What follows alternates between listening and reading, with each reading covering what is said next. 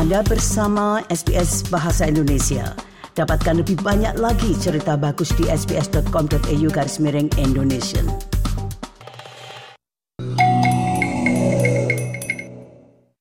SBS SBS SBS SBS SBS Radio Nah, Anda masih bersama SBS Audio program Bahasa Indonesia. Nah, rupanya tamu kami yang berikutnya juga sudah berada di jalur, jadi saya akan segera menyapa Ibu Ayu Nengtias, bidan dari Rumah Sakit Swasta Telogorjo, Semarang. Selamat siang, Bu Ayu. Selamat siang Mbak Sri. Selamat tahun baru, Bu Ayu, karena ini pertemuan kita yang pertama kali. Dan sudah lama itu. Selamat tahun baru juga. Semoga sehat selalu. Nah, Bu, Bu Ayu untuk kali ini saya ingin uh, berbicara tentang situasi post Natal itu. Jadi bagaimana atau tantangan apa yang dialami oleh para ibu setelah melahirkan itu, Ibu? Oh, gitu ya Mbak ya. Ya. Ya, untuk menuju ke situ saya ingin berbicara dulu tentang cuti hamil itu Ibu atau cuti melahirkan. Kalau di Indonesia itu bagaimana pelaksanaan cuti hamil itu? Baik. Eh, kalau di Indonesia itu memang ada ya, memang ada aturannya. Semuanya itu adalah legal Mbak. Jadi di situ ada. Ah, sebentar Bu Ayu, mohon maaf. Agak bergeser Bu Ayu. Ini ini ada gangguan ngungu tempat saya. Oh ya. Ini sudah. Silakan Bu Ayu, silakan.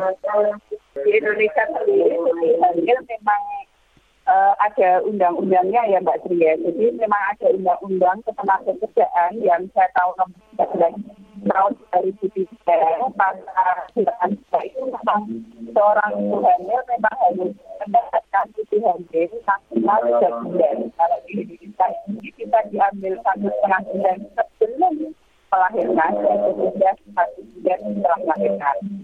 Tetapi itu juga tergantung dari masing-masing ibu dan ini ya kedapatan apa ya dari kedua belah pihak dari dari dari dari perusahaan seperti itu. Untuk cuti hamil tiga bulan itu ini berlaku pada semua orang dan itu digaji penuh atau bagaimana itu? Selama tiga bulan tetap berhak mendapatkan upah mbak seperti itu. Maksud saya upah itu ini upah minimum begitu?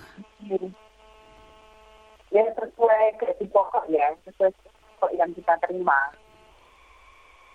Nah, sekarang untuk pegawai negeri atau ASN ataupun juga pegawai swasta itu. Ini karena saya di rumah sakit swasta, berarti yang saya ceritakan yang di mana saya bekerja, begitu. Jadi itu untuk yang di rumah sakit swasta. Ya. iya. Bagaimana dengan para bapak itu? Untuk para bapak, ya, kalau di tempat kita sih juga mendapat cuti ya itu tiga hari tergantung kesepakatan masing-masing perusahaan ya. Tapi kalau di SMC sendiri itu eh, untuk suami itu ada cuti untuk menunggu istrinya melahirkan. Jadi support untuk istrinya memang kita fasilitasi untuk suami istirahat ya, tapi cuti menunggu Eh, itu berapa lama biasanya? tiga hari, Jadi tiga hari saja dua atau tiga hari atau tiga hari saja. Hmm. Nah, karena kalau di Australia itu lain lagi. Jadi memang Iya, kalau di luar itu bisa lama. Iya, memang tergantung Iya. dari ya, kesepakatan kerja atau di sini dikatakan ini, aduh saya lupa ini istilahnya, dan juga berapa lamanya pun. Tapi di Australia itu kalau tidak salah ini akan ditingkatkan. Menurut aturan pemerintah itu akan ditingkatkan dari 18 minggu sampai dengan 26 minggu itu nantinya. Dan memang ada juga bagi mereka yang di, yang di bawah 150 ribu per tahunnya gajinya, itu mereka bisa mendapatkan subsidi juga. Jadi setelah berapa minggu dari kantornya sesuai dengan perjanjian kerja yang ada, terus ada subsidi pemerintah, ya gaji pokok saja begitu Ibu, itu sampai berapa minggu pula. Tapi yang jelas lebih lama dari di Indonesia. Nah, itu dari sudut gaji. Tapi Ibu, saya ingin bicara tentang tantangan dari ibu-ibu yang melahirkan itu, terutamanya tentu saja ibu-ibu yang melahirkan putra pertamanya. Nah, ini kan merupakan satu pengalaman tersendiri kan, tantangan setelah kelahiran. Nah, di Indonesia sendiri itu bagaimana situasinya? Seperti ini Mbak Sri, kalau panjenengan tadi bilang baby blues memang itu salah satu tanda efek setelah melahirkan. Sebetulnya baby itu istilah ya kalau saya tahu baby dan belum mungkin dari warna warna itu seperti melambangkan kesedihan mungkin bisa seperti gangguan suasana hati yang dialami ibu setelah melahirkan. Itu bisa terjadi karena mungkin perubahan hormon. Hormon dalam tubuh ibu setelah melahirkan itu kan belum normal kembali.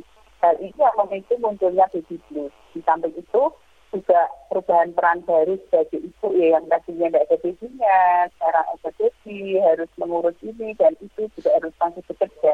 Nah itu mungkin ada beberapa ibu yang penyesuaiannya belum sempurna seperti itu. Dan itu bisa terjadi hingga mungkin 70 sampai 80 persen ibu ya bisa terjadi seperti itu. Nah, jika demikian halnya, itu kan tidak bisa dibiarkan begitu saja kan ibaratnya. Tentunya ya. di sana pastinya ada yang dinamakan kalau di sini ada Mothers and Child Clinic itu. Nah di Indonesia sendiri pun kan juga ada kan itu? Ya, ada seperti itu. Jadi untuk ibu-ibu yang seperti itu harapannya itu kalau seperti di senam hamil kan biasanya tidak ada grup ya mbak, tidak ada grup. Yaitu harapannya setelah melahirkan itu grup itu jangan dibubarkan. Jadi itu bisa untuk mencari solusi untuk berbagi kejenuhan atau berbagi hal-hal yang tidak diinginkan setelah melahirkan. Jadi itu sebagai tempat untuk mencurahkan atau untuk itu ibu yang sakit ya seperti itu. Jadi maksud saya, ya, ya, apakah klinik ibu dan anak itu tersedia di mana-mana? Itu maksud saya. Saya kira kalau klinik untuk penanganan baby itu mungkin masih bisa seperti yang di psikolog-psikolog itu ya. Biasanya ada untuk apa, untuk grup-grup, untuk menyelesaikan masalah tentang defisit defisit seperti itu. Saya kira kok ada ya mbak ya. Tapi untuk rumah sakit Probolinggo sendiri itu kita punya tempat untuk konsultasi yaitu pada saat kita senam dan ada grup untuk konsultasi di situ. Di grup itu tidak bisa dibiarkan seperti itu. Jadi itu setelah melahirkan grup itu mas dapat ya, sebagai ya, tempat ya, apa namanya tempat acuan itu Iya. Nah, tapi kalau iya. seperti misalkan yang parah itu mengalami depresi dan sebagainya, itu kan harus ada rujukan begitu loh maksud saya. Ya, betul. Jadi kalau depresi sendiri itu biasanya dua minggu sudah selesai. Tapi ternyata kok sampai berkepanjangan ya itu berarti sudah menjurus ke depresi. Kalau kita menjurus ke depresi ya berarti kita konsulnya ke psikolog kan seperti itu. Siapa yang akan memberi rujukan itu? Karena tidak setiap orang mempunyai dokter pribadi kan, artinya dokter keluarga itu. Kalau ini biasanya seorang ibu yang sudah ada gejala seperti itu, rata-rata kan dia konsultasinya ke psikolog ya Mbak Tri. Biasanya nanti dari psikolognya sendiri itu akan diarahkan ke psikiater misalnya sampai begitu. Karena kalau depresi kan mungkin sudah memerlukan obat dan lain-lain itu nanti kita kan kasihkannya ke psikiater seperti itu. Tapi biasanya awal-awalnya mereka akan konsultasi ke psikolog atau orang-orang yang expert untuk tahu tentang psikis ini. Nah, kalau saya mengalih ke latihan-latihan itu, ya memang ini secara umum itu tergantung kepada individu kan. Ada orang yang setelah yeah. melahirkan mereka melakukan latihan-latihan tertentu supaya badannya akan kembali menjadi apa seperti semula misalnya atau, atau hanya sekedar menjaga yeah. kesehatan itu. Nah, bagaimana dengan para atlet itu terutamanya atlet-atlet andal itu papan atas misalnya. Karena kalau seperti mereka itu kan pasti sudah mempunyai suatu program begitu. Artinya itu ah ada yang oh saya mau ikut pon itu kalau di Indonesia misalnya atau meng, ingin mengikuti olimpiade dan sebagainya seleksi olimpiade nah berarti mereka harus mempunyai program kan Nah, ini ke mana yeah. ke mana mereka dapat melakukan konsultasi mengenai hal-hal semacam itu? Seperti saya katakan tadi, itu untuk baby itu masing-masing orang. Jadi untuk keadaan atlet sendiri pun kita tidak tahu apakah itu baby biasa atau sudah sampai depresi. Kalau memang sampai depresi ya tentunya kita kembalikan ke konsultan kita ke psikolog atau ke psikiater seperti itu. Jadi itu hanya biasanya mungkin karena kegiatannya saja yang tidak seperti itu. Kalau memang sampai depresi dan harus dia melakukan kegiatan olahraganya ya tentunya belum bisa karena memang ada kendala di situ seperti itu. Ya. Kalau mereka tidak mereka tidak kena depresi, ya. tapi mereka ingin membuat satu program untuk kegiatan olahraganya yang nantinya itu akan menuju kepada pencapaian prestasinya. Nah, itu kepada siapa mereka harus minta petunjuk misalnya? Biasanya gini, kalau berarti kan masalah di depresi ya, dia berhenti di dediklik ya. Dediklik kan biasanya hanya dua, dua minggu sudah selesai. Jadi untuk kegiatan ke sananya dia sudah bebas. Kalau misalnya mau percaya normal setelah empat minggu saya rasa sudah cukup. Tapi kalau dia ternyata persalinannya pertama sehat, dia kan harus tiga bulan untuk pemulihan seperti itu. Saya rasa dia akan konsultasi juga dengan apa ya dengan grupnya dia ya mbak seperti kalau saya ambil kesimpulan pertanyaannya mbak itu itu ya mengenal Ibu jadi selama ini menurut pemantauan dari Bu Ayu itu apa yang terjadi dengan para ibu-ibu yang baru melahirkan, terutamanya ibu-ibu baru itu? Kalau dilihat secara umum. Kalau secara umum saya bandingkan dengan ibu yang sebelum persalinan sudah siap, eh, sebelum menjelang persalinan siap dan tidak siap. Untuk ibu-ibu yang sudah siap sebelum melahirkan misalnya, pasangan yang izinkan punya anak, dia sudah mempersiapkan semuanya, sudah diikhlaskan, dan juga bisa peran suami sangat penting. Itu biasanya tidak akan terjadi dengan yang namanya begitu. Karena dia sudah tahu, oh kalau ada gangguan seperti ini, ada harus bercerita ke siapa, aku harus mengajukan ke siapa, saya harus bagaimana, sudah tahu mbak seperti ini. Tapi untuk ibu-ibu yang saya bandingkan tidak masuk di kelas 6 hamil atau mungkin pengetahuannya minim, kurang baca buku misalnya atau kurang dengar cerita dari siapa, kalau saya lihat kok kecemasannya lebih tinggi. Jadi ini sebenarnya sama persiapan, persiapan kehamilan dan persalinan. Persiapan kehamilan dan persalinan itu itu di antaranya ya. kan dapat diikuti dari kelas-kelas antinatal kan begitu itu. Nah, ya, nah ya, apa ya, sampai dengan itu. sekarang menurut pemantauan dari Bu Ayu lagi, apakah ibu-ibu yang hamil itu sudah semuanya atau sebagian besarnya mengikuti kelas-kelas antinatal tersebut, bukan saja di RS Tragorjo misalnya. Ya, semuanya itu. Mengapa? mungkin karena alasannya, oh, kalau saya tanya ya kerja karena tempatnya jauh, karena capek itu yang sering saya lihat seperti itu nggak punya waktu untuk isu-isu bekerja itu kan saya nggak punya waktu seperti itu tapi kembali ke niatnya juga karena ada ibu-ibu yang saya tanya ibu kerja di mana oh ini di mana gitu. Tapi kok ini bisa hadir? Gitu. karena saya dapat izin. Lah itu kan berarti niatnya juga ada. Berarti kembali ke niat. Niatnya mbak sih nah bagaimana dengan katakanlah ibu-ibu PKK dengan PKK itu sendiri, apakah ibu-ibu PKK atau PKK itu juga ikut membantu dalam hal ini? Atau hmm. peran PKK? Ya, oh, peran PKK bagus. Untuk peran PKK kita kan punya tim, punya untuk pendampingan dari balita, balita, ibu hamil melahirkan sampai setelah melahirkan Ya, kebetulan saya kan ikut timnya PKK, jadi saya mendampingi seperti itu Mbak. Kita arahkan untuk ibu-ibu yang mau melahirkan, kita arahkan untuk ikut kegiatan-kegiatan sebelum melahirkan untuk manfaatnya ke depannya seperti itu. Kita arahkan ke puskesmas atau ke mana dia mau mencari seperti itu. Jadi peran PKK sangat penting di sini. Mengapa saya tanyakan PKK? Karena PKK itu kan ada di bahkan tingkat RT pun ada kan itu Bu ya PKK ya, bukan hanya dari Oke. RW dan eh, kelurahan tapi ah, eh, RT. ada. Ya.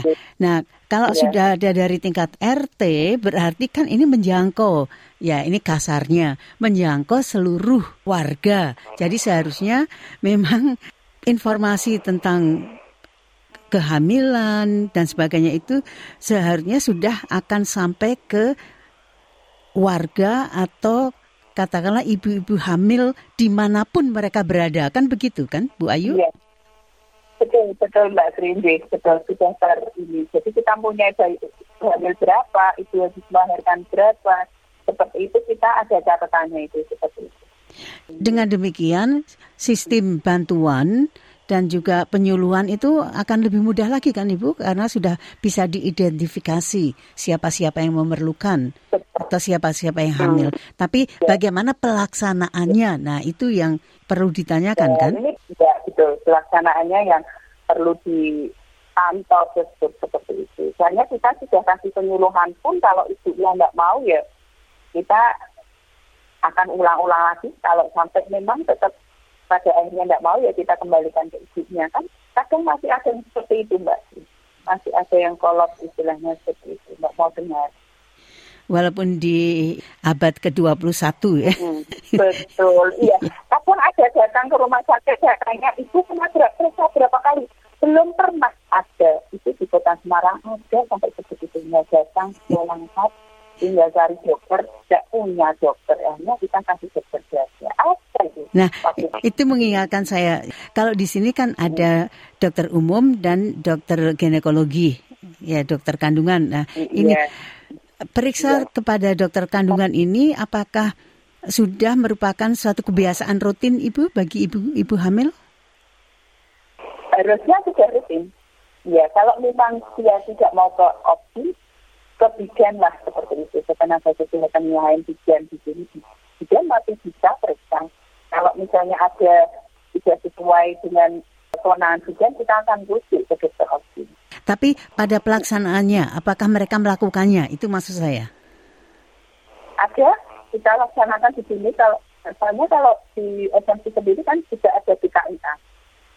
Selama periksa di BKIA, apakah masih ada kendala-kendala atau memang harus segera dirujuk ke dokter opsi, kita akan rujuk. Demikian juga kalau kita bidan di desa, kalau saya pernah di desa itu, kalau memang tidak wewenang saya, saya akan rujuk ke dokter opsi. Terutama kalau yang di desa-desa itu misalnya, apakah mereka akan rajin? Kalau di sini kan memang setiap kapan itu pasti ada waktu-waktunya begitu loh Ibu. Jadi apakah saya mempunyai Iya. kelainan atau mempunyai eh, masalah atau tidak, tapi saya wajib atau kami wajib untuk ke dokter kandungan atau kalau di sana ya mungkin bidan. Nah, ini kebiasaan seperti itu itu apakah juga berlaku atau sudah diterapkan dengan baik? Sudah ditaati oleh para ibu-ibu itu maksud saya. Oh, kalau di desa, karena setiap desa kan kita ada bidan yang di desa. Jadi bidan itu akan bertanggung jawab seluruh kegiatan kesehatan yang ada di desa itu. Jadi jadi kita itu hamil, melahirkan itu kan tanggung jawabnya bidan. Nah di situ kita akan nge-push, Mbak. Kita akan anjurkan, kita akan datang kalau ibu itu tidak periksa. Misalnya datangnya kita akan punya posyandu di tanggal 15. Tapi kok ternyata tidak datang, ya kita bisa dari rumah. Jadi peran bidan bidan itu memang selain kita melakukan kegiatan orangnya datang, kita juga mendatangi keluarga-keluarga yang sesuai sasaran kita. Salah satunya di ibu hamil. Kalau di- Jadi misalkan ada yang terlewatkan itu ya mudah-mudahan ibu bidannya rajin ya, Ya, Mbak ya. itu- Atau Bu. Ya. Kita tahu yang nggak datang, eh, Mbak Tri yang nggak datang, saya tahu, oh ini nggak datang. Seperti imunisasi. Jadi anaknya ini kok nggak datang, bisa saya teman Kan lama-lama mereka akan malu, kenapa saya harus didatangi ke rumah. Iya. Nah, itu. Itu seperti dulu. Saya lakukan itu waktu di desa. Iya. Mudah-mudahan semuanya begitu sehingga Iya, ibu-ibu ke depannya. ya, terutama ibu-ibu muda, ibu-ibu yang akan melahirkan putra pertamanya itu betul-betul siap. Iya. Ya.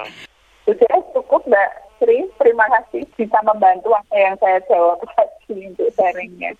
Terima kasih sekali Bu Ayu yang telah berbagi pengalaman itu dan sampai jumpa di lain kesempatan Bu Ayu. Ya, selamat siang. Terima kasih.